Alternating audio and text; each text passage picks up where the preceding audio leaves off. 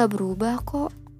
Hanya keadaan di masa lalu yang membuat saya sedikit takut untuk berinteraksi lebih dengan kamu. Canggungnya berasa. Saya tahu kamu mikirnya lain dengan cara saya yang seperti ini. Kamu mikirnya saya sombong sama kamu aja, giliran sama orang lain saya biasa. Tapi kamu lupa sama kalimat kamu yang dulu-dulu. Itu cukup menyakitkan hati loh. Iya, saya memaafkan. Untuk melupakan saya nggak bisa, karena itu pengalaman saya untuk ke depannya menilai orang lain seperti apa. Saya banyak belajar, gak boleh terlalu percaya dan terlalu baik sama orang. Mau itu kerabat, saudara, teman dekat sampai sahabat, enggak, harus ada batasnya. Saya nggak trauma, saya cuma mikir, oh kayaknya lebih baik saat ini saya mempercaya diri sendiri.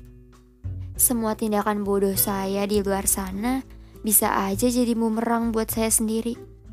Gak ada yang lebih baik yang bisa menjaga hati dan fisik selain diri saya sendiri. Kamu mah enak, cuma bisa lihat dari luar. Saya berubah lah, saya sombong lah, saya pongah lah. Kenapa ya? Orang hanya menilai sesuatu dari satu sudut pandang aja. Coba deh, mereka lihat dari pandangan lain.